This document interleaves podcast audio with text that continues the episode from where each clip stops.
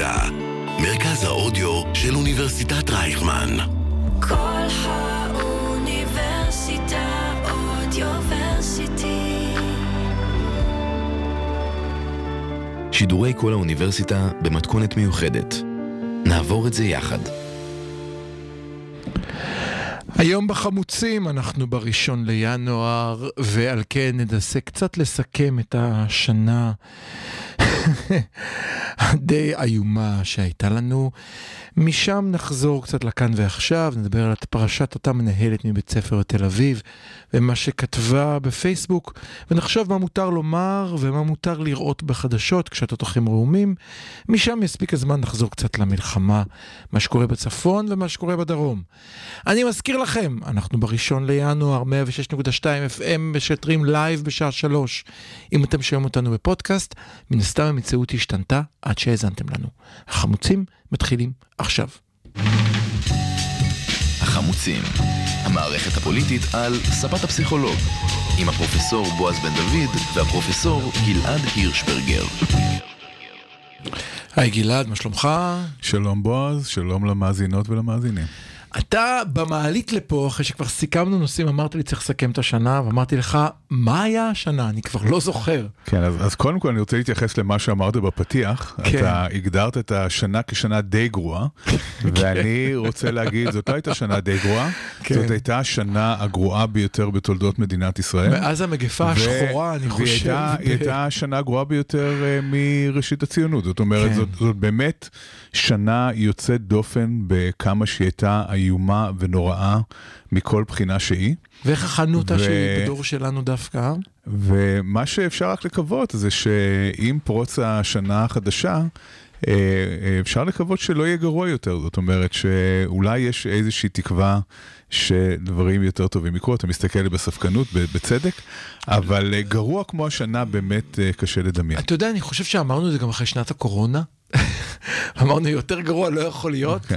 ואז נהיה יותר גרוע. נכון, איך, איך הקורונה נראית כמו בדיחה עכשיו. ממש. אבל בוא, בוא נדבר קצת על השנה, כי השנה באמת, אה, ה- ה- השנה האיומה והנוראה הזאת, מתחילה בעצם אה, ממש בסוף דצמבר 22, מהמם. כשקמה אה, ממשלת אה, ימין אה, על חרדים. מלא מלא מלא על מלא מלא מלא, ממשלה משיחית, שמיד אחרי שהיא קמה, בינואר בעצם של 23, היא מודיעה על הרפורמה המשפטית. הפיכה מה ש- משטרית. מה שאנחנו קוראים הפיכה משטרית. אני רוצה לעצור אותך שנייה, רק רוצה להזכיר לך שכשהיא קמה בהתחלה, היו אנשים ביניהם, אני חושב שגם אני, אפשר להאזין, שאמרנו, אתם יודעים מה?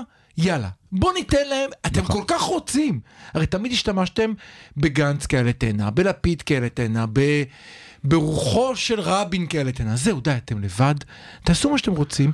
מה כבר יכול להשתבש? כמה גרוע יכול להיות? אמרנו יותר בסוף. מזה, אמרנו יותר מזה. זה היה, אני מסכים שזה משהו שאני חושב שאמרנו גם כאן בתוכנית אה, הרבה לפני שקמה הממשלה הזאת, אמרנו, ממשלת ימין על מלא, ניתן לה למשול, נראה איך היא נופלת ונכשלת, ואז נחליף אותה בממשלה אחרת. זו דווקא הזדמנות להראות לציבור כן. עד כמה הממשלה הזאת איומה. הרי תמיד הם אמרו, אנחנו לא יכולים אחד- לעשות את מה שאנחנו רוצים, אז הנה מ- תעשו ונראה. מצד אחד, אה, צדקנו במידה מסוימת, כי באמת הממשלה הזאת קמה, אה, כמעט הרסה את המדינה לגמרי, ועכשיו אה, הסקרים מראים שבאמת היא הייתה נופלת אם היו בחירות, אבל זו נחמה קטנה מאוד לעומת ה- לא צדקנו. המחיר, המחיר הנורא ששילמנו. מוותר, מוותר על... על- מוותר על להיות צודק. ה- מה- לא רק מוותר על זה, כשביבי יהיה לנצח בשלטון, אם היה אפשר למנוע את השבעה באוקטובר, לקחתי, נו, בוא. הלקח המשמעותי ביותר מ- אה, מהעניין הזה, ואותו גם אמרנו כאן בתוכנית. זה שאסור לאפשר יותר הקמה של ממשלת ימין על מלא. מה שזה אומר, זה שהשמאל מרכז צריכים להתפשר. הם צריכים להיכנס לתוך אה, ממשלות שסכנה. שאם הם לא ייכנסו, ייכנסו גורמים ימניים קיצוניים. זאת אומרת, או להגיד את זה במילה יותר פשוטה, לך. אסור שהציונות הדתית תשב בממשלה. אסור שהמפלגה הזאת, אה, לא סמוטריץ' ולא בן גביר ולא לא- אה, לא אורית לא סטרוק, התנועה הדתית כמובן, לא אורית סטרוק. שהשבוע אה, איך גלשנו? אמרנו נסגור את השנה ותראה איך חזרנו לכאן ועכשיו. חכה עם זה. כן, אוקיי, תכף אבל נדבר על ה... האנשים האלה לא צריכים להיות בממשלת ישראל. תכף נדבר על ועדיף החזון. להתפשר החזון. זהו. ולהיכנס לממשלה מאשר לשבת זה לקרות. אני כן. רוצה לענות אבל לזה... בוא, בוא באמת נדבר על מה שהיה. אה, פתאום בוא באמת נדבר, אמרתי אני רוצה לענות לזה ובוא נדבר. אני רק קצת אגיד... גולשים הצידה, זה בסדר. לא, אנחנו, אנחנו נדבר על זה, אני רק אומר שאמרת משהו מאוד חשוב, אמרת להיכנס למשלמה, אבל בתנאי מסוים, שגורמים מסוימים לא נמצאים, להבדיל במצב הנוכחי, שגנץ ושותפיו אומנם נוסחים בביטחון מסוים שהם בקבינט המלחמה, ועדיין סמוטריץ' נמצא שם ואומר, לכל התקשורת הזרה, החלום שלי הוא להגיע משני מיליון נקודה שתיים לרק ל-200 אלף אנשים בעזה, כן. ואז שכולם אומרים אתם רוצים genocide, יש להם אתה הוכחה. עכשיו מקדים את המאוחר לגבי... לא אה, יכולתי, genocide. לא יכולתי, כן. סליחה, אבל לא אתה, יכולתי. אתה צודק, תראה, מצד, כאן צריך, יש מורכבות עם העניין הזה. זאת אומרת, כן. מצד אחד, אין ספק שחשוב שגנץ ואייזנקוט יושבים בקבינט המלחמה, זה מאוד חשוב, כי האלטרנטיבה היא בלתי נתפסת. אנחנו לא יכולים שהגורמים הקיצוניים ישבו שם, והם שני גורמים מאוד מאזנים, מאוד מקצועיים, מאוד מנוסים, ו- מאוד. וזה חשוב מאוד. ואנחנו לא יודעים בדיוק מה קורה שם בחדרי יודע- חדרים, שנייה. אבל עצם ביטחון. נוכחותם, עצם נוכחותם גורמת לקבלת החלטות אחרת, בטוח. יותר מזה, מעבר לקבלת החלטות אחרת. בוא נהיה רגע בית ספר לפסיכולוגיה. כשאני חושב על תלמידינו, הסטודנטים ובני משפחותינו שנלחמים עכשיו, הידיעה שלהם, שנמצא שם אנשים שאכפת להם, ששולחים את ילדיהם גם לקרב, כן. שנמצאים בזה, נותנת הרגשה אחרת שאתה רץ קדימה, מאשר שנמצא שם אותו ציניקן חסר כל. נכון, אה, זה בכלל, זה נותן תחושה ציבורית רחבה, לא משנה. מה העמדה הפוליטית של אה, כן, אותו כן, אדם. כן, כן. שכל, אה, כן, רוב הקשת הפוליטית הישראלית נמצאת שם, והם לא מרגישים שהם נלחמים מלחמה של מישהו אחר. אוקיי. ממש. אבל חזרה ל... חזרה להפיכה המשטרית. חזרה להפיכה, המשטרית. אז באמת, בינואר שנה שעברה, מתחילה ההפיכה המשטרית, ומתחיל אה, גל חסר תקדים של אה, מחאה, שכמעט אה, קורע את המדינה הזאת לשניים. צריך אה, להזכיר את כל מה שקרה שם, שזה גם חקיקה מטורללת, שגרמה. למחאה עצומה. גם הקצנה דתית מאוד גדולה. אחד הדברים ההזויים ביותר שקרו בעצם אה, ממש לפני ה-7 באוקטובר, זה כל הוויכוחים סביב אה, ההקפות של אה, שמחת Mm. תורה. מי- כן. אתה יודע שכבר שכחתי את זה לגמרי. כן, לא, אז אה, אתה יודע, כשאתה וזה היה מסתכל... ליד הבית שלי, אני גר מטר מכיכר דיזינגוף, ושכחתי את זה. זאת אומרת, חשבנו שהדבר הכי חמור בעולם זה אם יש או אין הפרדה בשמחת תורה בכיכר דיזנגוף, כשממש יום אחרי זה אה, טבחו ב-1200 ישראלים והפכו את המדינה על אה, פניה. זה, זה הוביל כמובן לכל הפרשה של uh, גנץ, שהזהיר, גם גנץ וגם אחרים הזהירו כל הזמן שהסכנות הביטחוניות הולכות ומתגברות. לפיד עשה את זה, אם אתה זוכר, עלה ודיבר ואמר אחרי שהוא קיבל עדכון, תשמעו, מצב מסוכן. גנץ, בוא נזכור מי עוד עשה את זה, גלנט, ופוטר. כן, כן, ואז הת, לא פוטר. התכוונתי לגלנט, שגלנט, גנץ, אמרת כן, כן, גלנט, התכוונתי אוקיי. לגלנט, אוקיי. שפוטר, כן, ליל הפיטורים המפורסם שלו, והמחאה העצומה שקמה, שגרמה לזה שבעצם אה, החזירו אותו. זאת אומרת, הייתה כאן שנה איומה מהבחינה הזאת, שנחתמה בסופו של דבר עם הטבח הנורא של השבעה באוקטובר והמלחמה בעקבותיה, שהיא גם נוראה, ואנחנו בעצם, באמצע, בעצם באמצע כל המהלך הזה, כאילו השנה לא לא יודעים. נגמרה. כן. אז אני רוצה להגיד שמצד אחד זאת הייתה שנה נוראה, ושגרמה להידרדרות נוראה. ואנחנו צריכים uh, לזכור איך הדבר הזה התחיל. Uh, גלית uh, דיסטל, שהשבוע uh, פתאום uh, uh, קצת, uh, uh, uh, כן, uh, הייתה איזושהי הכרה על חבל חטא. שאי אפשר לראות את מה שאני עושה עכשיו עם הידיים על הפנים, כן, נו. כן, ברור. גלית דיסטל אטרביאן, אפשר כבר די עם הטיפוסים ההזויים כן, האלה? אבל היא לפחות עשתה משהו שאף אחד אחר לא עשה עד עכשיו, והכירה באחריות שלה לכל ההידרדרות שהובילה בסופו של דבר ל-7 באוקטובר, וצריך להגיד את זה, ה-7 באוקטובר היה יכול לקרות בכל מיני אה, אה, זמנים אחרים, אבל יש קשר מאוד ברור בין ההידרדרות הכללית בישראל לבין ה-7 באוקטובר. קו ישיר, מתחיל... ברור וחד, לא צריך ילדים שיחברו את הנקודות. כן. זה ברור. לא, זה כן צריך בגלל שלא כולם מבינים שהשחיתות, אז ש... בוא, אתה רוצה לחבר את הנקודות? בוא נעשה את זה. השחיתות השלטונית של נתניהו, של נפוטיזם, של מינוי מקורבים, של מינוי אנשים שאינם ראויים לתפקיד שלהם, שאין להם את הידע המקצועי בשביל לנהל את המשרדים שמנהלים, כל מיני משרדים הזויים שמופרכים, שאף אחד לא יודע למה הם קיימים. אתה יודע מה זה מזכיר לי? אתה זוכר שבארצות הברית היה את, ה, את ההצפה המוחלטת של ניו אורלינס, כן. הוצפה, ואז גילו שהאיש שאחראי למנוע את הדבר הזה, הוא מגדל סוסים שהחבר של בוש, שהוא מינה אותו לתפקיד, כן, כולם אמרו, אם רק היו ממנים איש מקצוע, כמה אנשים היו נחסכים, אז שם. נפוטיזם, אז נפוטיזם היא בעיה שקיימת בהרבה מקומות, אבל אין ספק שנפוטיזם היא אחד הרעלים הגדולים ביותר של מערכות uh, שלטוניות. היא מפרקת את המערכות האלה, כי אה, כשמתחילים מנפוטיזם, מה שקורה זה שגם האדם שמינו אותו בגלל שהוא מקורב, הוא, הוא ממנה תחתיו מקורבים. ברור. וככה זאת שרשרת שלמה של אנשים. הוא גם מחויב לבוס, אז הוא חייב עכשיו לחזק את המערכת, כי הוא כן, נתן לו את כל שיש לו. זה שורה שלמה של אנשים ברור. שלא מתאימים, ו- ואז מערכות קורסות, ואז מערכות לא עובדות. אבל זה יעיל פוליטית. אנחנו, אנחנו, הבעיה, המחלה הזאת לא נפתרה ב-7 באוקטובר, אם חשבנו שזה ייגמר ב-7 באוקטובר, זה לא נפתר. אנחנו ראינו רק עכשיו את הסיפור של אה, רשות החברות, שהממונה על אה, רשות החברות...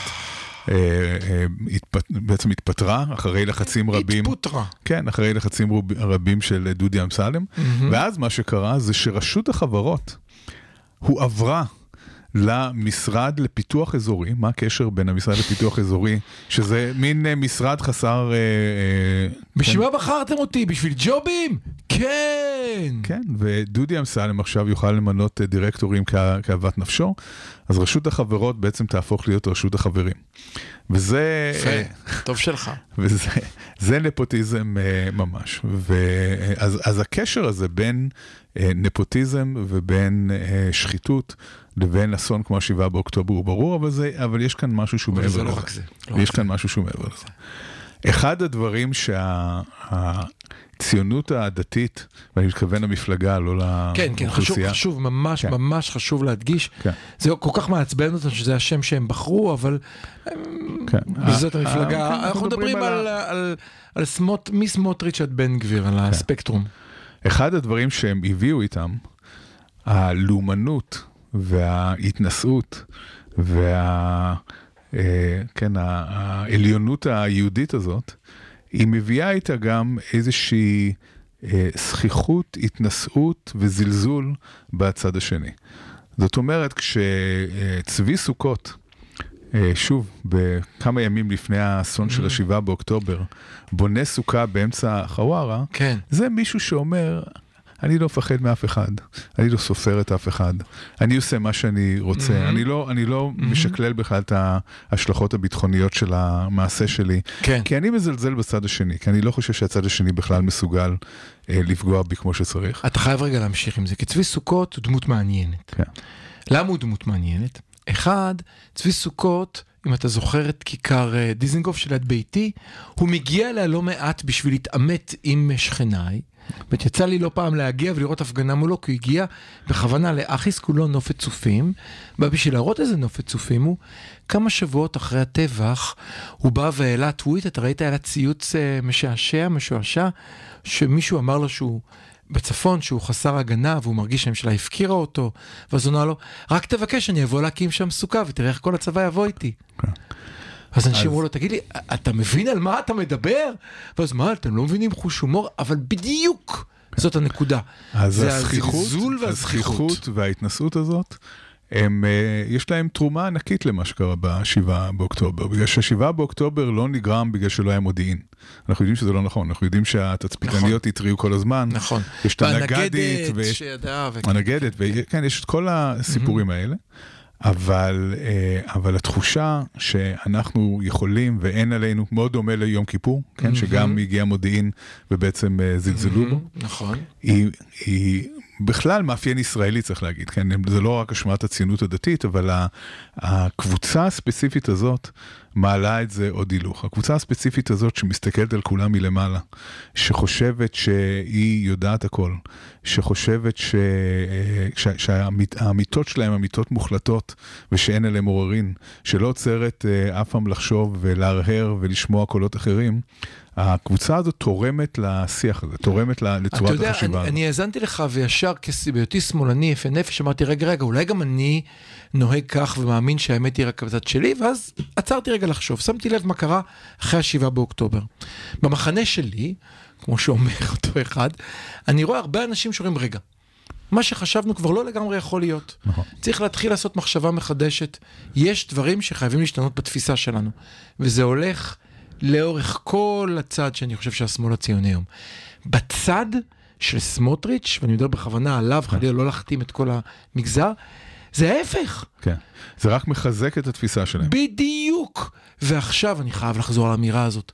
כששר האוצר, שהוא גם שר במשרד הביטחון, מוציא הצהרה שהמטרה שלו שיהיו 200 אלף איש בעזה, והיום יש 2.2 מיליון, כן. איך אני יכול מחר, בשיחה עם קולגה פרופסור מחו"ל, שמנסה להסביר לו שזה לא נכון ולא ג'נוסייד... אז אתה קופץ אה, קדימה, בגלל שכשנדבר על, ה... על לא יכול, הסיפור זה, של המורה... אני לא יכול להתמודד עם זה, זה מטריף אותי. כשנדבר על המורה, אנחנו נשאל את השאלה טוב, של האם, של האם אה, מתרחש ג'נוסייד ולמה מה, שאנחנו, למה מה שקורה בעולם כרגע, השיח העולמי, הולך יותר ויותר לכיוון הזה, וכיצד באמת דוברים כמו סמוטריץ' אה, וכמו... אה, אבל הוא מאמין בזה, סמוטריץ'. הוא כן, לא, כן. הוא לא אומר את זה. בוודאי. זה לא נתניהו שאומר את זה בשביל לקבל עוד חמישה קולות. אין ספק. זה אפילו לא בן גביר שאני חושב שעושה את זה. דרך אגב, סמוטריץ' כתב את זה. מאמין באמונה שלמה. סמוטריץ' כתב את זה. לסמוטריץ' יש תוכנית שנקראת תוכנית ההכרעה, שהוא פרסם ב-2017. אה, באיזה עיתון קיקיוני, mm-hmm. שבו הוא מסביר בדיוק מהם שלושת האלטרנטיבות של אה, ערבים שחיים אה, from the river to the sea, כן, בין הים לנהר. להגר, יש להם, להיות... יש להם, יש להם אפשרות להגר מרצון, mm-hmm. יש להם אפשרות לקבל את השלטון היהודי-ישראלי ואת מקומם כגר תושב, או כן, איזושהי כן, הגדרה כן. תנכית כזו או אחרת שהמשמעות שלה היא בעצם אפרטהייד. אפרטהייד. כן. נודה. ויש, אה, ואם הם לא יקבלו את שני, אחד משני התנאים האלה, אז שיתכוננו למות. כן, זה, זה בעצם... אה, לא, לא זכרתי את האפשרות השלישית. לא, הוא לא כותב את המילים האלה, אבל זה בעצם המשמעות של מה שהוא אומר. זאת אומרת, mm-hmm. אתם יכולים או להיכנע או למות, זה בעצם הפרשנות. ברור. אני מצטער, אני לא יכולתי להשתחרר מהאמירה הזאת של, של סמוטריץ'. אין לך בלם לפה, ברקס, מסנן. אפשר לפחות להגיד שפי וליבו שווים. כן, מערכת איניביציה תקינה, כן, אני מדבר כן. על זה בקורס כל כך הרבה, לא עובדת. טוב, סליחה. מה שכן, אז. באמת הייתה שנה איומה, אין לתאר. הצבא כמובן אה, נפגע מאוד מכל המחאות. בוא נדבר על זה. הכלכלה התרסקה. אה, שכחנו לדבר בכלל, זהו, שכחנו לדבר על, על העניין של, ה, של מחאת החיילים ומחאת הטייסים. כן, כן, אז, אז זה, זה פירק לגמרי, פירק לגמרי את הצבא, פירק את הסולידריות בישראל, mm-hmm. את, ה, כן, את, את התחושה שמדובר פה בעם אחד, כבר התחילו לדבר על ממלכת ישראל וממלכת יהודה.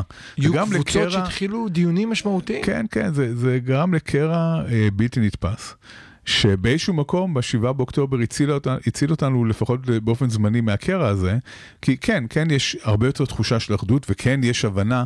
אני, אני רוצה לדבר על שני דברים חיוביים שקרו, אתה, אתה מעווה פנים, אבל אני... לא, אני אזרום איתך, אני, אני, אני פשוט שונא... בסדר, אוקיי. אחדות אה, דביקה, כן. לא, לא, לא שונא אחדות דביקה, אני שונא להסתכל על אסון ולחשוב מה יצא ממנו טוב, כי יוצא ממנו רק רע. כן. אבל אפשר לראות מה לא. אפשר לעשות עם העובדה שהיה כן, אסון ולצאת איכשהו. אני מסכים עם התיקון הזה, אף אחד לא אומר שזה היה טוב, אני רק אומר שיש אה, השלכות שהן לא רעות, שהן אה, השלכות שהן אולי בסופו של דבר גם יתרמו לחברה הישראלית. גם המחאה שפרצה בעקבות ההפיכה המשטרית, כן. יש בה כמה דברים טובים. כן. אחד הדברים זה שישראלים אה, מהמרכז ומהשמאל יצרו כאן לאומיות חדשה. יצרו לאומיות mm-hmm. חדשה ישראלית שהיא לא לאומנית, שהיא לא דתית, שהיא מבוססת על מצד אחד להיות לאומי, זאת אומרת להיות חלק מהקולקטיב הישראלי השורשי, אה, ומצד אחד אה, להיות ליברלי. וזה מאוד חשוב, בגלל שהרבה פעמים השמאל הוא מין שמאל אוניברסלי mm-hmm. מנותק, שלא מחובר לסמלים של המקום ושל הלאום. אה, וכאן אה, התגלה שמאל אחר שהוא, אה, שהוא מנופף בדגל ישראל, ששר התקווה, ומגילת העצמאות היא המסמך המכונן שלו. ועוד דבר אחד קטן, לפני שאתה חותך אותי. עוד מה שקרה אחרי ה-7 באוקטובר, זה שהשמאל הישראלי גילה שהוא לא חלק מהשמאל העולמי. שהשמאל העולמי לא רואה אותו כחלק ממנו, ותופס אותו בדיוק כמו שהוא תופס את הימין הישראלי, אין, uh, אין הבחנה בין uh, ישראלים כאלה לישראלים כאלה, וכך גם uh, רוב הציבור הישראלי מוצא את עצמו באותה סירה, עם גורל משותף. אה, במצב אולי לא טוב, אבל לפחות בתחושה שאנחנו אה, כן בסירה הזו ביחד, ואנחנו זוכים לנווט אותה לחוף מבטחים. אנחנו נעצור רגע לשיר, ואז נחזור ונמשיך לדבר ולהתווכח, אבל אולי אני אסכם את מה שאמרת, שבשנה הזו במחיר שהוא בלתי נתפס ולא שווה את זה בשום פנים ואופן, לא, ברור שלא. אבל בהתחלה למדנו מי אנחנו, והיום הבנו למה אנחנו פה. יפה, אהבתי. אני חושב שזה שני החלקים. אהבתי. כן. אבל המחיר לא שווה את זה. אנחנו עוברים למאזיני הרדיו 106.2 FM, שידור ישיר.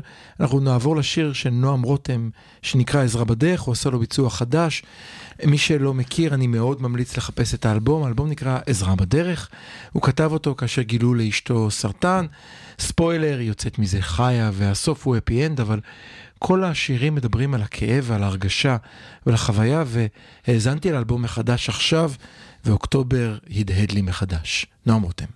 כל האוניברסיטה אודיוורסיטי. כל האוניברסיטה, מרכז האודיו של אוניברסיטת רייכמן. החמוצים, המערכת הפוליטית על ספת הפסיכולוג, עם הפרופסור בועז בן דוד והפרופסור גלעד הירשברגר. אז למי שהחמיץ את השיר, כל מי שאיבד קורת גג, כל מי שברח מהבית, כל מי שזקוק לאשפוז, כל מי שלא אכלה כבר יומיים, כל מי ששבר שמירה אחרי עשר שעות על הרגליים, כל מי שנרקב באיזה תא, כל מי שנתנו לו חודשיים, מבטיח לו נועם רותם עזרה בדרך, עזרה בדרך, עזרה בדרך שלך. כמו שאמרתי לך, גלעד, האזנתי לכל האלבום, ופתאום בעקבות השבעה באוקטובר הכל מקבל הדהוד חדש שלא. חשבתי שיהיה לו במקור. אז סיימנו את החלק הראשון בלהגיד שלמדנו מי אנחנו ולמה אנחנו פה בשנה האחרונה, ושהמחיר היה בלתי נסבל. אני רוצה לדבר קצת על המחיר, אני אגע טיפה במחקר. במהלך תקופת המחאה נגד ההפיכה המשטרית, הרצנו סקר עם כ-600 איש, שמאז לא פורסם כי את מי זה מעניין. הלכנו לאנשים בני 50 פלוס ופלוס פלוס, שאלנו אותם כל מיני שאלות, במיוחד אנשים שהתנגדו להפיכה, ומה שמצאנו, 75% מהם היו עם תסמינים בדרגה מסוימת של טראומה. אז, לפני השבעה באוקטובר, רק בגלל השינוי החוקתי, 75 זה לא רק בגלל. צריך, ברור שזה לא רק בגלל. לא, אבל, צריך, צריך להבין כאן משהו. אבל אני רק אומר, תראה כמה נמוך אז זה המצב, כמה נמוך המצב כן. היום. אני רק אגלה שהיום חזרתי לסקר דומה. את השאלון ההוא הורדתי, כי אין מצב שמישהו לא יגיע בו ל-100%. באיזה לא, מצב אנחנו לא נמצאים? נכון, זה לא נכון. אבל uh, כשמדובר, רוב האוכלוסייה, טוב, צריך להגיד כאן כמה דברים על טראומה ופוסט-טראומה לא, זה של לא האוכלוסייה. זה כי, לא כי מה שאמרת הוא לא נכון. השאלון לא היה שאלון פוסט-טראומה, היה כן. שאלון עם ממדים מסוימים של... עם סימפטומים, סימפטומים מסוימים שלא עכשיו ניכנס אליהם. זה שאלון PSS. שבו, לא, לא משנה, לא ניכנס עכשיו. השאלון אה. ההוא היה, הראה אז תסמינים. שאני כן. בטוח שגם יהיו היום אצל חלק כן, גדול אבל יש רצף, יש רצף. כאן, כאן, כאן צריך uh, להבין כמה דברים על, uh, על, על איום ועל uh, טראומה. Uh, האיום ש, של ההפיכה המשטרית היה איום קיומי אמיתי בעיני uh, לפחות חצי מהאוכלוסייה בישראל, בגלל שהוא איים לשנות uh, סדרי חיים, את הזהות של המדינה, את כל הדרך שבה אנחנו תופסים את עצמנו ואת היחס שלנו למדינה. אה, ואת השאלה של האם בכלל אנחנו יכולים אה, לחיות במדינה הזאת, ולכן הוא עורר המון המון מצוקה, המון... Mm-hmm. המון פחד, המון אה, חוסר שינה בלילה, mm-hmm. זה לא עניין של אה, מה בכך, ולכן ראית את זה. אף אחד לא ישן, אני זוכר. ולכן ראית את הסימפטומים האלה. Mm-hmm. האיום שאנחנו חווים היום הוא איום קיומי פיזי. הוא איום מסוג אחר. כאשר האיום הסימבולי גם... לא נעלם, כי עדיין לא ההפיכה לא באוויר. היא, כן, היא על אש נמוכה, אבל היא עדיין באוויר. היא על אש יותר נמוכה משהייתה קודם, אבל היא יכולה לחזור ולהתלהט. ו... לא, אני מזכיר לך, לא כן. מינו שופטים, בית כן, המשפט כן, העליון עדיין וחסר. בוודאי, בוודאי. שום דבר לא זז, כאילו מבחינתו הוא רק מחכה, הכל כבר מוכן, רק תגידו לי מתי אפשר, נכון. ומחר הצבעה בכנסת. אם כי יש כנראה ביטול של אה, עילת הסבירות על חודו של אה, כל, אנחנו נראה, כן. עוד אה, חזון אומרים. אבל בכל מקרה, גם עכשיו צריך להגיד שאנשים מראים סימפטומים פוסט-טראומטיים, אבל רוב האוכלוסייה לא תחווה פוסט-טראומה. זאת אומרת, רוב האוכלוסייה היא חסינה ועמידה ותצליח להתמודד עם זה. צריך להבדיל, אני לא דיברתי על תסמינים פוסט-טראומטיים, גם לא היה אז אפשר לדבר על תסמינים פוסט-טראומטיים, כמו עכשיו לא, כי אנחנו עדיין בתוך הטראומה. אז לא מדברים עכשיו על פוסט-טראומטי. לא ניכנס עכשיו לכל הדיון הזה, אבל אני חושב ש... אז לא. אנשים יהיו במשבר, ועכשיו אנשים במשבר, נכון. וחייבים להכיר בזה. צריך להגיד משהו אחר, שאנחנו כבר אה, מי בעצם אה, מתישהו ב-2020, כשהתחילה הקורונה, אנחנו במצב נכון, אה, מתמשך צודק, של משבר, כן? זאת אומרת, צודק. כרגע הקורונה נראית כמו בדיחה לעומת כל הדברים האחרים שהתמודדנו איתם מאז, אבל גם זה היה משבר מאוד רציני. משבר מאוד משמעותי. וכן, עם הרבה מאוד השלכות mm-hmm. על, על כל מיני אוכלוסיות, וישר אחרי זה הגענו להפיכה המשטרית, וישר אחרי זה הגענו ל-7 באוקטובר ולמלחמה. זאת אומרת, הציבור הישראלי די עם הלשון בחוץ מבחינת התמודדות עם אה, משברים ואיומים, ומחזיק מעמד יפה בכל זאת. זאת אומרת, למרות אה, באמת המציאות המאוד מאוד שוחקת הזאת כבר... אה, כן, כמעט ארבע שנים, כן, שלוש וחצי שנים, mm-hmm. אנחנו יחסית מחזיקים יפה, כן? זה, זה קשה, אבל uh, uh, אני, אני לא רואה uh, התפרקות של החברה, להפך, אני רואה רק uh, התחשלות שלה. אתה יודע מה, אני אקח את מה שאמרת, אני דווקא אקח את הצד החיובי. תראה, מה שאתה תיארת עלה לי לאחרונה בשיחות עם תלמידים שלא פורסים את התואר על ארבע שנים, לא משנה מדוע. והם אמרו, אכלנו אותה איתכם, שנה אחת היה קורונה, שנה אחת היה זה, עכשיו מלחמה, מה יהיה עם התואר? צודקים נכון. כמובן. אה, תלמידי אה, תואר ראשון נפגעים קצת, אבל מי שבאמת באמת נפגע, זה תלמידי בית ספר. אה, מי שהיה ב... ארבע שנים האחרונות בבית ספר, הלימודים נפגעו. צריך לומר שלא רק שהלימודים נפגעו, אלא שהפערים בין המרכז לפריפריה בדיוק. התחדדו. בדיוק. בגלל שמי שיש לו אמצעים ויכול לספק לילדים שלו, mm-hmm. לכל ילד מחשב ולכל ילד פינה ללמוד, אז uh, הדברים יסתדרו יותר טוב מאשר uh, מי שאין לו את האמצעים האלה וכל הר... הילדים בבית עם בלאגן ורעש. הרבה יותר מזה, אני אהיה מאוד בוטה, לילדות הפרטיות שלי, אני יכול לעזור בשיעורי הבית, ואם צריך, כן. אני מוציא את ממוני בשביל אה, מורה פרטית או מורה פרטי, כן. והם יקבלו נכון, את כל נכון. מה שהן צריכות, הילדות שלי יעמדו, ב, יעמדו בתחרות היטב, גם כשמערכת החינוך לא מתפקדת, לפעמים אפילו לא באשמתה, וברור לי שלא כולם יכולים להרשות לעצמם לא את הפניות ולא את הכסף. כסף שאני יכול להרשות לעצמי בחינוך. יש אגב אה, מחקרים, אה, לא בארץ, שמראים שפערים חברתיים נוצרים אה, בעיקר בחופשות ולא במהלך הלימודים. בגלל ש... סקרנת, תסביר. ילדים מבתים יותר עמידים, בחופשות הם מקבלים המון העשרה. שולחים אותם לקייטנות מדע וטבע וכל מיני דברים כאלה, אוקיי. וילדים מבתים אה, פחות עמידים, הם יושבים מול הטלוויזיה וככה מבלים את הזמן בחופשה. הבנות שלי מבלות מול הטלוויזיה גם כן. כך וגם כך, אז אה, כאן נפלתי. אנחנו בכלל כן. נסחפנו לכיוון אחר. לא, זה דווקא נחמד. בוא נחזור למורה שלך, לסיפור הזה. אתה רוצה שכבר נגיע למורה? אין בעיה, נגיע למורה, אבל זה יהיה רק חצי מהחלק. אוקיי. אה, אני בכוונה לא אגיד איזה בית ספר, סתם כי אני לא רוצה להוסיף עוד אה, עץ לאש. לא, פורסם, אין סיבה. לא, לא, לא בא לדבר על זה. אוקיי. מנהלת בית ספר מסוים בלב תל אביב.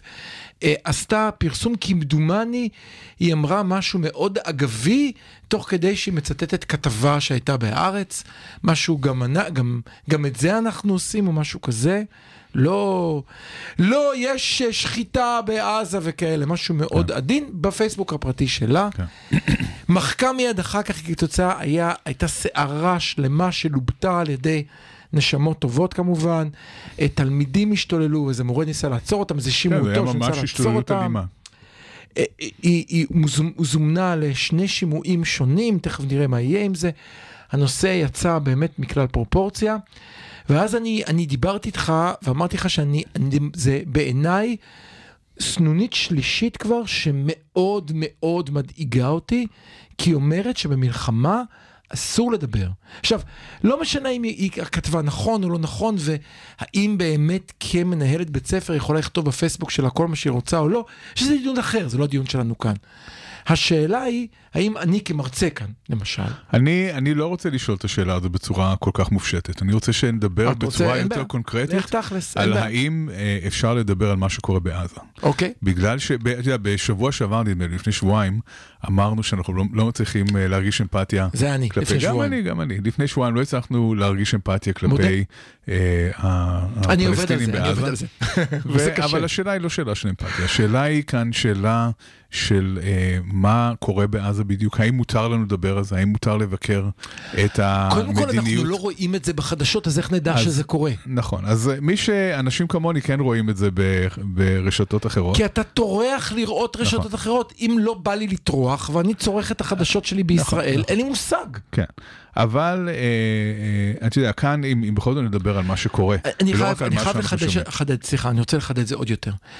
גם אם אתה רואה ערוץ 12, 13 ו-11, לא 14, נכון, לא, אתה לא תראה. וגם אם אתה קורא הארץ, העיתון האולטרה לא, כן אה, אתה על זה. מקבל קצת פה, כן. קצת שם. נכון. אתה פותח סינן אחרי שתי דקות, אתה מופצץ בזה. כן. זה לא אותו דבר. בסדר, עדיין, זה נכון שהרבה אנשים רק מקבלים את המידע שלהם משם, רוב אבל האנשים. יש הרבה אנשים בטלגרם, יש הרבה אנשים אה, בטוויטר, כן, שהם כן אה, אה, מקבלים קצת יותר חשיפה למה שבאמת קורה.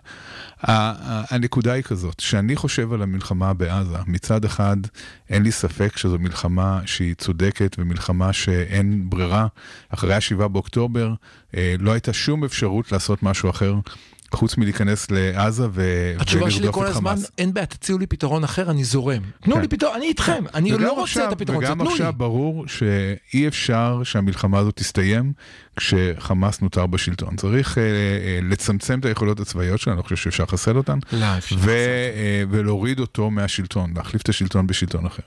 יחד עם זאת, גם זה מתחיל לראות יש, משימה יחד, עם, מורכבת. יחד כן. עם זאת, אה, אי אפשר להתחש... לה- להשתחרר מהתחושה שבפעולות של הצבא יש מרכיב שהוא אה, מרכיב משימתי.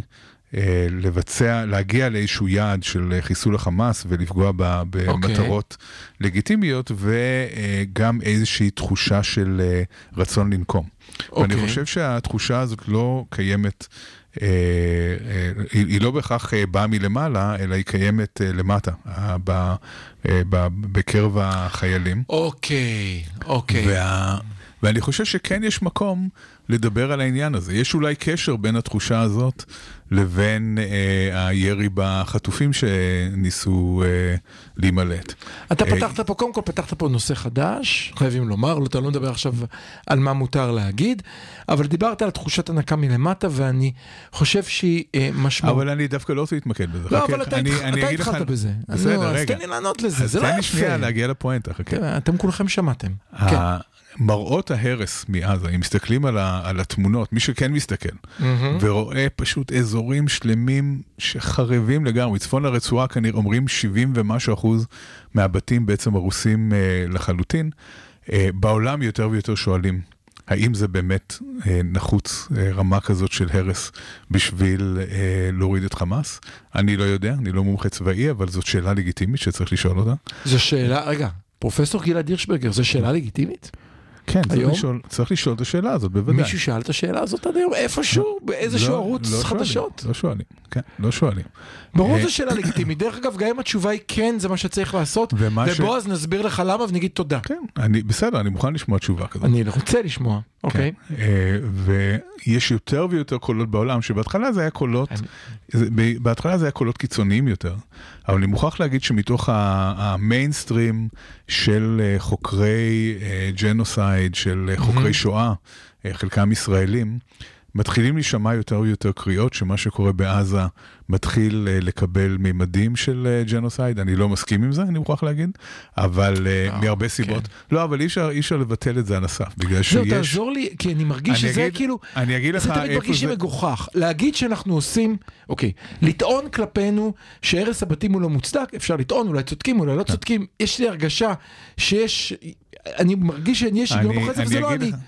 להגיד שאנחנו באים לעשות לא השמדת. עם, השמדת עם, לא, אנחנו לא באים, אני בטוח שאנחנו לא באים לעשות השמדת עם, אבל, אוקיי. אבל, מה שאני חושש שקורה, זה שיש לך. יש לך שילוב, קודם כל, של הצהרות של מנהיגים שלנו, כמו שסמוטריץ', כן, כן. שאומרים, אנחנו רוצים לצמצם את אוכלוסיית הרצועה ממיליון 200 ל-200, לא, שזה מ- בעצם... כן, מ-2.2 אתה יודע, ל-200. מ-2.2, סליחה, ל-200. כש... אה, כן, יש הבדל. כשאני, הנה, כבר מחקתי מזה. כש... פרס סמוטריץ' אה, קיבלת ברגע אתה יודע, אני מתעסק הרבה ב, בהיסטוריה של השואה ובכל הפסיכולוגיה הסביבה, ואחד הדברים שהיסטוריונים של השואה עושים, שהם שואלים האם הייתה כוונה להשמיד את יהדות אירופה, אז הם מחפשים אה, הצהרות של אה, מנהיגים. אז, אז. אז ההצהרות... אז כשיש הצהרות של מנהיגים ש... כמו של סמוטריץ', זה כאילו תימוכין בטענה הזאת. כן. עכשיו, מה שעלול לקרות בעזה, ארגון הבריאות העולמי מזהיר מפני uh, מגפות, מזהיר מפני uh, רעב, מזהיר מפני מצב כן, שבו כן, המון. אנשים עשויים למות, לא מהמם. בגלל שאנחנו התכוונו להרוג אותם, אלא מהמם. כפועל יוצא של כל מה שקורה ברצועה. העול הזה יהיה על הכתפיים שלנו. זאת אומרת, אם אנחנו, אם באמת אה, יצא, שלא מתוך כוונה שלנו, שנהרגים אה, אה, עשרות אלפים יותר ממה שנהרגו עכשיו, אה, אנחנו נהיה בבעיה מול הקהילה כבר הבינלאומית. עכשיו אנחנו בבעיה. אנחנו כבר עכשיו בבעיה ונהיה בבעיה יותר והמספר גדולה. הוא לא קטן כבר כן, עכשיו. אבל ההאשמות האלה של ג'נוסייד יתחילו להישמע יותר רציניות. כן. גם אה, דרום אפריקה אה, כבר הגישה עכשיו להאג, עתירה להאג, אה, אני לא יודע אה, איך זה ייראה שם, אבל זה כבר משהו שצריך אה, להלחיץ אותנו, ואני יכול להגיד שמה שגרם לי, אה, אה, אתה יודע, התגובה הראשונית שלי הייתה כמו שלך, של כל ההצהרות האלה הן מוגזמות זהו, כי, ואנטישמיות. אם ו- אומרים שאנחנו הורגים, אני מקבל, כן. ואפשר לדון בזה, ואפשר להגיד איפה טעינו ואיפה לא. כן. ג'נוסייד תמיד נשמע לא, לי... ברור, אני, אני כל הזמן מתווכח נגד זה בטוויטר, אבל, אבל, יש אה, יותר ויותר אה, אה, אנשים בעלי השפעה, נקרא לזה ככה, ביהדות ארצות הברית, אוקיי. שהם מאוד מיינסטרימים, הם תומכי ישראל, כן. הם, אה, שמתחילים לכתוב, הם לא כותבים genocide, אבל אומרים, אה, מה שישראל עושה מתחיל להיראות מוגזם. זאת אומרת, איפה הגבול? 30 אלף, להיראות מוגזם. 30 אלף הרוגים, 40 אלף הרוגים, 50, איפה, איפה הנקודה מהמם. שבה כבר לא מוצדק להרוג כל כך הרבה כדי להשיג את היעדים של המלחמה? באמת אין לי תשובה לשאלה הזאת, אבל עצם זה שהשאלה הזאת עולה, היא אה, שאלה שצריך לתת עליה את הדעת, היא שאלה שצריך לחשוב עליה, אה, כי ההשלכות של כל מה שאנחנו עושים עכשיו הן השלכות מאוד מאוד ארוכות טווח. ייתכן שחלקן, אני מקווה שחלקן יהיו חיוביות, גם לא רק, אה, לא רק חיסול החמאס, או העברתו מ, מ- מהשלטון, אלא אחד הדברים בעיניי החמורים ביותר שקרו אחרי השבעה באוקטובר, המדאיגים ביותר שקרו אחרי השבעה באוקטובר, זה סקרים פלסטינים מראים, במיוחד בגדה אגב, יותר מברצועה, שהתמיכה בחמאס היא, היא שילשה את עצמה. כן, זאת אומרת, אם uh, בגדה התמיכה בחמאס הייתה uh, קטנה יחסית לפני השבעה באוקטובר, והשבעה באוקטובר הקפיץ את התמיכה למימדים uh, מטורפים. Uh, וזה מראה שכשיש הצלחה כזאת של ארגון טרור, זה רק מעודד עוד uh, פעולות מהסוג הזה ותמיכה בפעולות מהסוג הזה. אנחנו צריכים, המטרה שלנו היא גם להרתיע ולדכא את החלום uh, לבצע דבר כזה מחדש. אה, אז, אז אפשר לקוות שהפעולה הזאת תעשה את זה, אבל מוכרחים גם לדבר על המחיר ועל אה, האם זה המחיר הנדרש כדי להשיג את היעד. אנחנו יוצאים שוב להפסקה, ואחריה אני אנסה לענות לך קצת אם דיברת על סקרים פלסטינים, יש גם סקרים שנעשו בישראל לאחרונה. אם דיברת על החיילים למטה, אני רוצה קצת שנדבר קצת על הפער. מה קורה בצבא שהוא מורכב ממילואים, שהם האנשים עצמם, שרק יום קודם הפגינו בעד ונגד אותו עניין, ואז בסוף נחזור למנהלת בית הספר. חמוצים, יוצאים להפסקה וכבר חוזרים. כל האוניברסיטה אודיוורסיטי. האוניברסיטה. מרכז האודיו של אוניברסיטת רייכמן. החמוצים, המערכת הפוליטית על ספת הפסיכולוג, עם הפרופסור בועז בן דוד והפרופסור גלעד הירשברגר. אז בוא נקרא מה אמרו בערוץ 12. מנהלת תיכון X בתל אביב לא אומרת מילה על החטופים ולא על החיילים, אלא בעיקר חומלת את האוכלוסייה העזתית. כך פסקה כתבת החינוך של ערוץ 12, אלה אודם, וכתבו על זה. אם היא פסקה, היא פסקה. פסקה, ואתה אומר לעצמך, ואז גם חפרו כאן, עשו בכתבה יפה, חפרו על כל מה שהיא כתבה בפייסבוק שלה לפני זה. ואתה יודע מה מעניין? שום דבר שהיא עשתה קודם לא מוציא אותה טוב. זאת אומרת, לא עזרו לה העובדה שיש קמפיין של בית הספר להעלות מודעות לתקיפות מיניות של, של אה, ישראליות ב-7 באוקטובר. לא עזור שהם אספו אוכל וארזו ארגזים לחיילי צה"ל. לא, אנחנו... שום יש... דבר לא עזר לה, כי באותו פוסט שהיא העלתה, דנו אותה לסוף. זה לא אומר משהו טוב על המדינה, גלעד. אה, כן, אני מסכים איתך. קודם כל זה אומר משהו בעייתי לגבי החינוך בבית ספר שלה, כן? שההתפרצות האלימה הזאת היא חריגה, זה לא משהו שאנחנו ראינו במקומות אחרים, ויש אה, מורים שמבטאים כל מיני עמדות, אז יש כאן גם אה, אולי בעיה שהיא יותר ספציפית. לא, אבל, טובה. אבל, אבל זה נכון שבאופן כללי אתה החברה... בתיכון, בתיכון באופן ממלכתי כללי- בתל אביב, אתה מקבל כל מה ש... כל תלמיד מתקבל, אתה לא יודע, עזוב. בכל מקרה, ברור שחוסר הסובלנות הזאת היא אה, לא במקום, ואנחנו צריכים לדבר גם על מה שלא נעים. אנחנו צריכים לדבר, ואנחנו צריכים להכין את עצמנו ב- ליום שאחרי, לא רק מבחינת מי שולט בעזה, אלא מבחינת מה כן. יהיה השיח הבינלאומי על וגם, ישראל. וגם מה, גם מה יהיה השיח הבינלאומי ישראל וגם המילואימניקים עצמם שחוזרים הביתה יגידו, נכון. הם רואים מה שקורה, נכון. הם חושבים שזה בא למטרה מסוימת, והם לא, יחזרו הביתה, מזה, הרבה מאוד ואם אנשים זה ייגמר בלי כבר- מיטוט חמאס, ואם זה ייגמר בלי החטופים, מה יגידו המילואימניקים? זה היה שווה? כבר היום הרבה מילואימניקים חוזרים עם כל מיני סיפורים, זה- וזה מלחמה, צריך נכון. להגיד, צריך להגיד את האמת על מלחמה. מלחמה ברור. היא לא דבר נקי והיא לא דבר יפה, ויש הרבה דברים אה, רעים שקורים במלחמה שהם. לא חלק ממה שמתוכנן וממה שמשיג את היעד, כן, הרבה אנשים נהרגים לא בגלל שהם היו צריכים אה, להיהרג, אבל... אה, ברור, אבל לא זאת צריך לדבר על זה. הנקודה. הנקודה היא שאנחנו נמצאים בגלל מערכת התקשורת הישראלית, לא אתה, כי אתה, כל- הכבוד לך שאתה רואה CNN, באמת, שני כוח, אני אדביק לך שתי מדביקות על החזה. אבל אבל אם- רוב הציבור נמצא בחסם, נכון. וכשמילואימניקים חוזרים הביתה בשבת, הם מתחילים לספר, ומראו מה הם צילמו, ואתה לאט לאט מבין, אז, אז אתה חייב להתגונן מפני זה. אז מה התשובה? אם זה כזה נורא, מה אני יכול לעשות? תגיד, מגיע להם, כולם אשמים, כולם חמאסניקים. אין לזה סוף, גלעד. אם אתה כבר מדבר על אה, לראות את התמונה הכוללת ולא רק את מה שמשדרים בערוצים הישראלים, אז כדאי באמת לעשות זום אאוט ולהבין את הקונפליקט שאנחנו נמצאים בו. עשינו מין סיכום שנה כזה בהתחלה, אז אני קצת חוזר לנקודה הזאת בשביל להבין את ההקשר הכולל של איפה שאנחנו נמצאים. אנחנו בעצם נמצאים אה, במלחמה שהיא לא רק מלחמה של ישראל וחמאס, יש כאן בעצם אה, מהלך שככל שהזמן עובר הוא נראה יותר מתוזמן ומתוזמר של אה, רוסיה, איראן, סין, צפון קוריאה. כן, ציר הרשע הנוכחי, שבעצם אה, אה, הוא במהלך אה, שהוא, שכבר התחיל במלחמה באוקראינה. מהמם. הוא נלחם נגד המערב, הוא נלחם נגד ארה"ב, אז אנחנו רואים את זה באוקראינה. אגב, המצב אה, באוקראינה הוא מצב לא איום טוב. ונורא, איום ונורא. אה, הייתה עכשיו התקפה איומה, מתו בה הרבה אנשים. כן, ואם, אה, ו- וגם העניין האמריקאי באוקראינה הולך ופוחת. כמה אפשר? ואם, ואם טראמפ אה, יזכה בבחירות שם, אז העניין שם יפחת עוד יותר.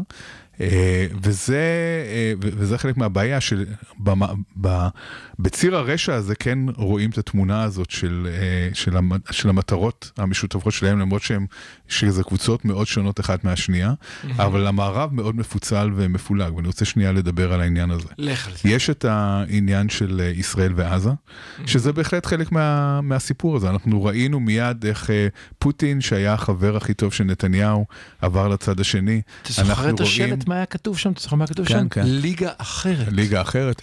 אנחנו רואים איך אה, סין, שגם נתניהו אה, התהדר בקשרים הוא איתה. אמר, אני לא צריך את. האמריקאים, אני עושה עסקאות חדשות. התחננו בפניו שלא יסגור עסקאות איתם על הנמל, נכון. שהם יכולים בשני קליקים להשבית אותו, והוא אמר, לא.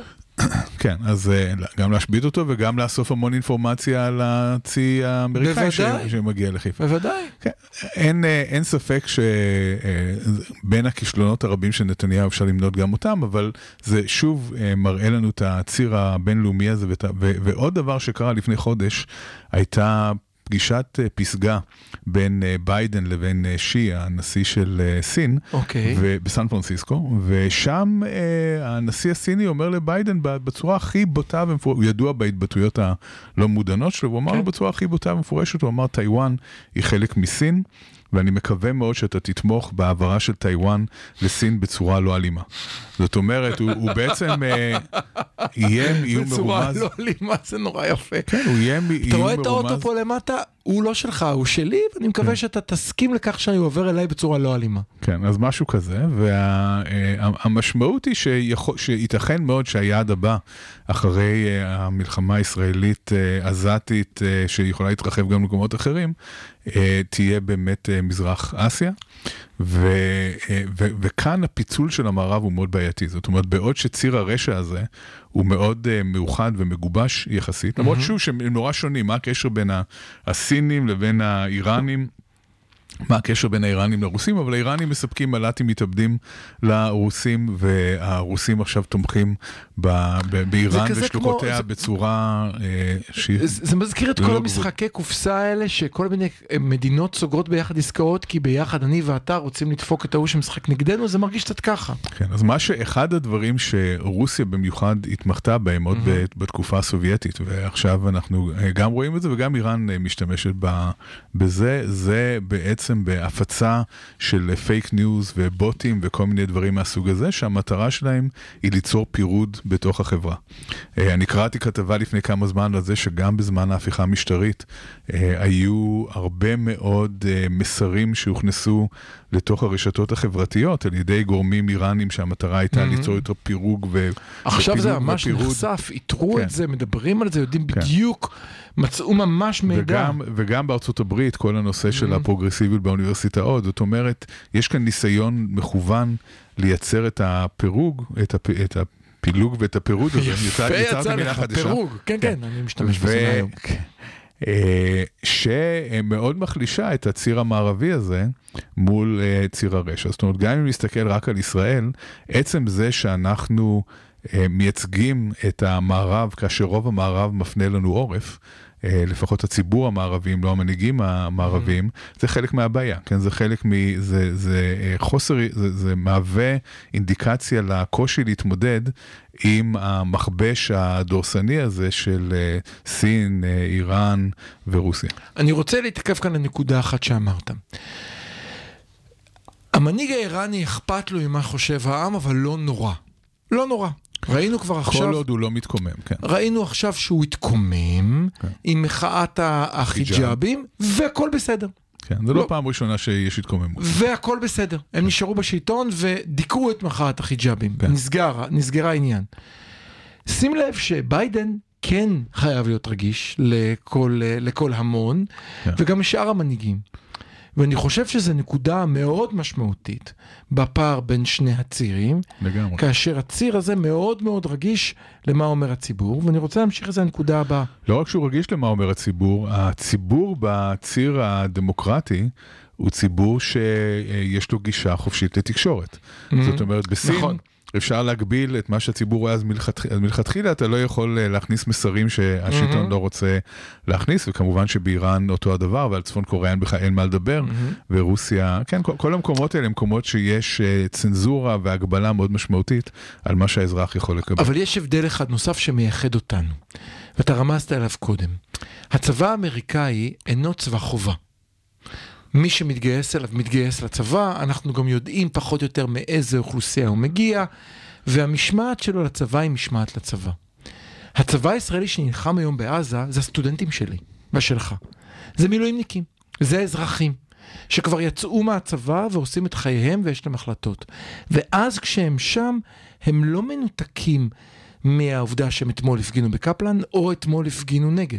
הם כבר לא מנותקים מזה שהם חולמים להחזיר את, אה, את גוש עציון, או מזה שהם חולמים על אה, נישואי הומואים, סתם לקחתי כדוגמה. וזה הבדל משמעותי.